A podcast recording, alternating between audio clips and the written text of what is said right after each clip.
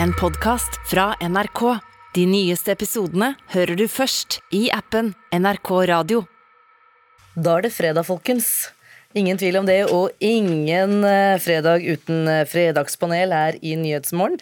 Mathilde Fasting, idéhistoriker og siviløkonom eh, hos Civita. God morgen. God morgen. Tone Hansen, påtroppende sjef for Munch-museet. God morgen, god morgen. Mahmoud Farahman, du eh, er stortingsrepresentant for Høyre, og ja, du har vel også gått på krigsskolen? Skal vi ta med det? Det er hyggelig. For anledningen. Vi eh, kjører rett på. Denne uken startet eh, filmfestivalen i Cannes, og en av dem som talte på åpningen, det var en tidligere skuespiller. Mesdames et messieurs, avec nous, en direct de Kiev, le président ukrainien Volodymyr Zelensky. Ja, Den ukrainske presidenten Volodymyr Zelenskyj var med via videolink og talte slik han har gjort ved en mengde tilstelninger den siste tiden. Vårt første spørsmål det er er det slik at filmfestivaler og andre nå pynter seg med Zelenskyj? Nei. Tone Hansen, Nja. Mahmoud Farahman. Jeg er på linje med Tone. Tja. Ok, eh, skal vi begynne med, med deg da, Mathilde Fasting?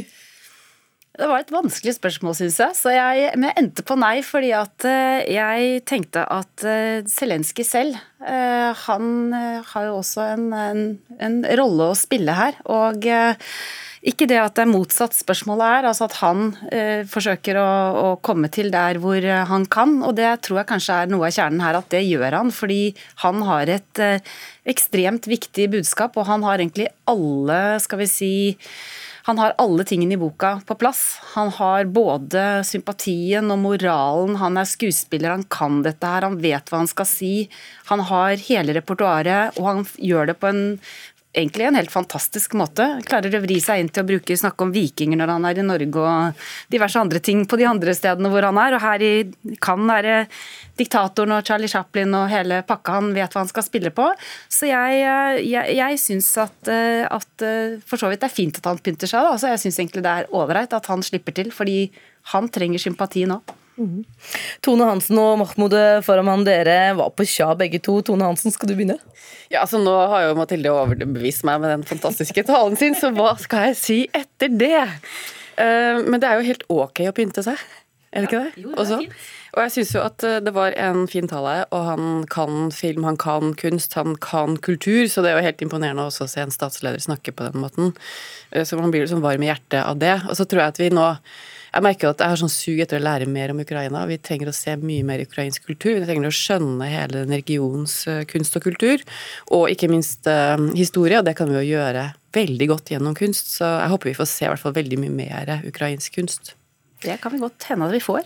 Mahmoud Farahman, har du tippa over til eh, fra tja til ja eller nei nå? Nei, Jeg forholder meg til tja. Jeg.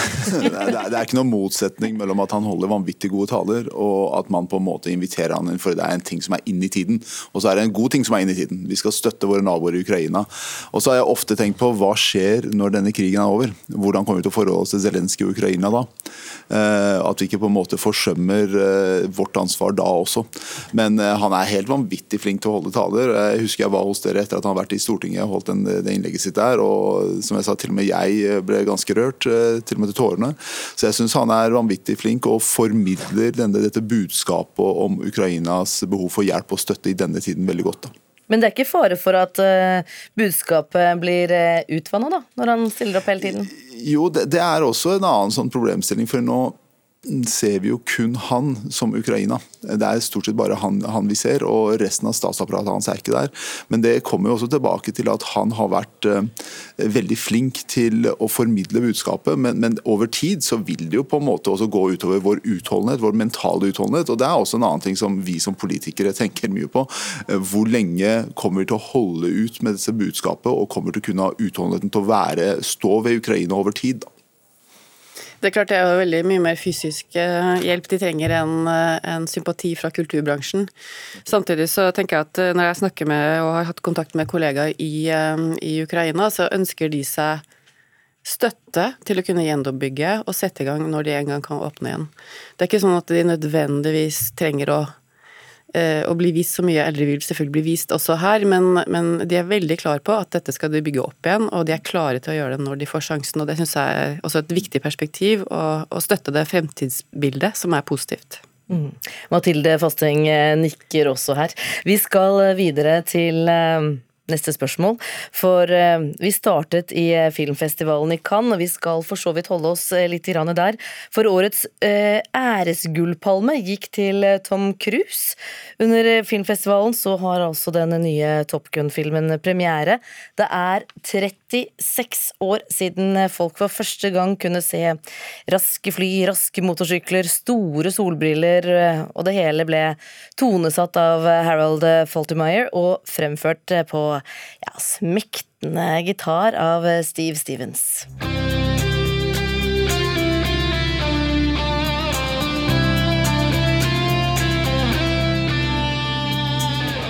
Ja, det vekker eh, gode følelser eh, her, dette. Eh, men nå er det sånn da, at i motsetning eh, til filmen fra 1986, så får ikke Tom Cruise kjærlighetsinteresse fra Top Gun-filmen være med i den nye filmen.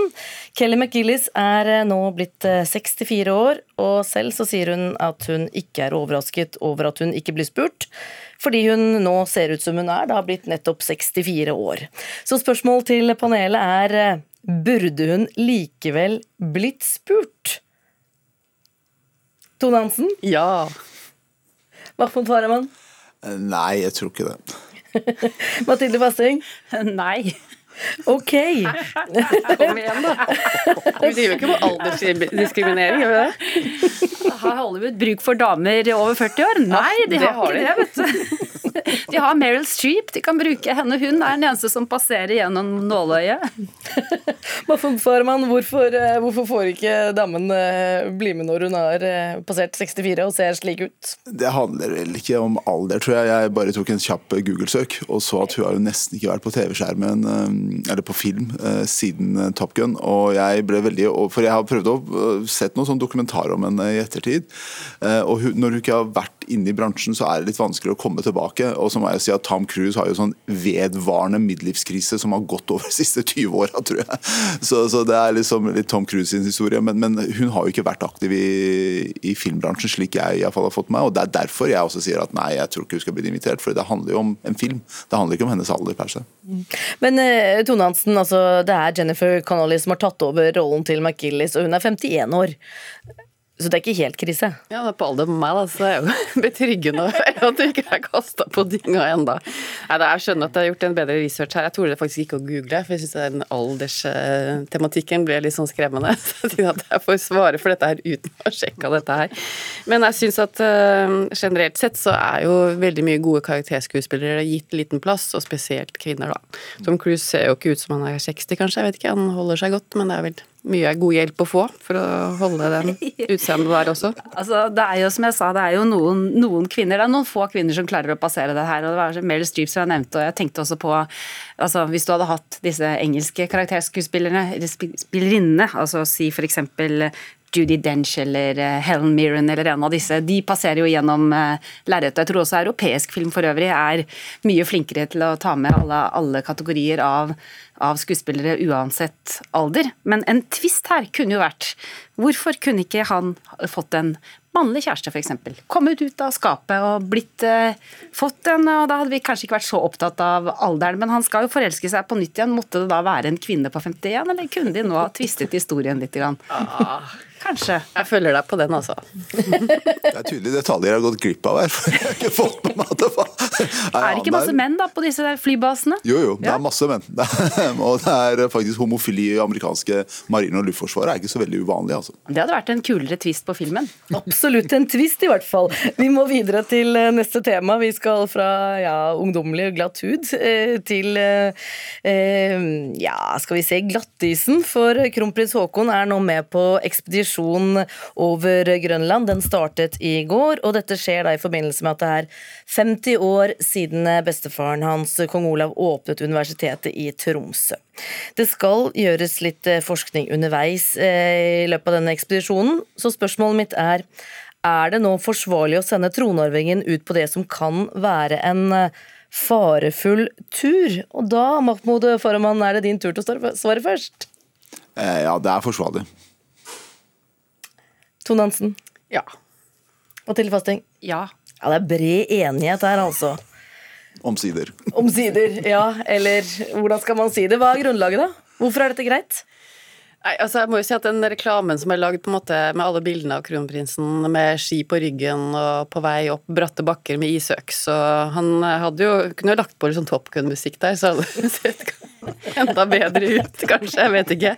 Men han ser veldig tillitsvekkende og troverdig ut der han er på vei, og vi vet jo at vi har en sprek kronprins. Og så syns jeg det kanskje viktigste er at han faktisk setter fokus på forskning, og at dette er jo en forskningstur, og de skal undersøke en del klimaperspektiver som kanskje får mer oppmerksomhet og synlighet gjennom at han deltar. Mm.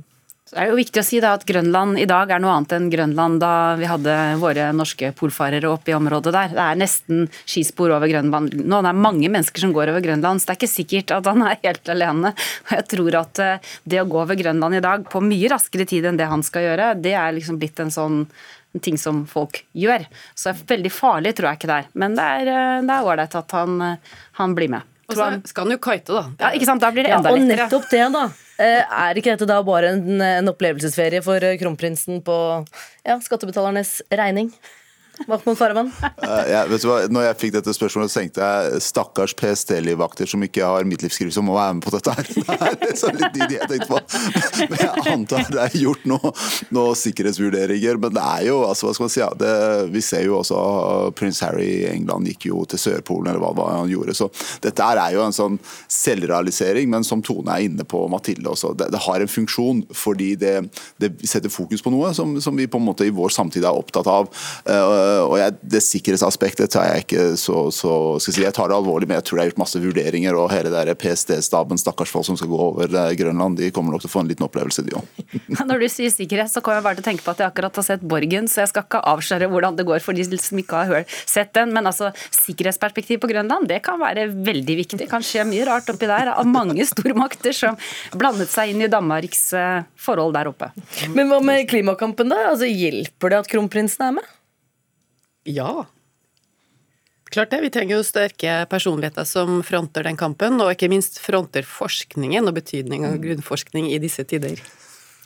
Og der kom den også. ja, vi, eh, vi, får la det bli siste ord i eh, dagens fredagspanel. Vi kan jo for ordens skyld ta med at NRK skal lage en dokumentar fra denne turen, så, så noe kommer det i hvert fall alle til gode som vil se på en dokumentar fra NRK, da vel å merke. Til gode av dette. Takk skal dere ha, eh, alle sammen, for at dere var med i Fredagspanelet. Mathilde Fasting, Tone Hansen og Mahmoud Farahman. En podkast fra NRK. De nyeste episodene hører du først i appen NRK Radio.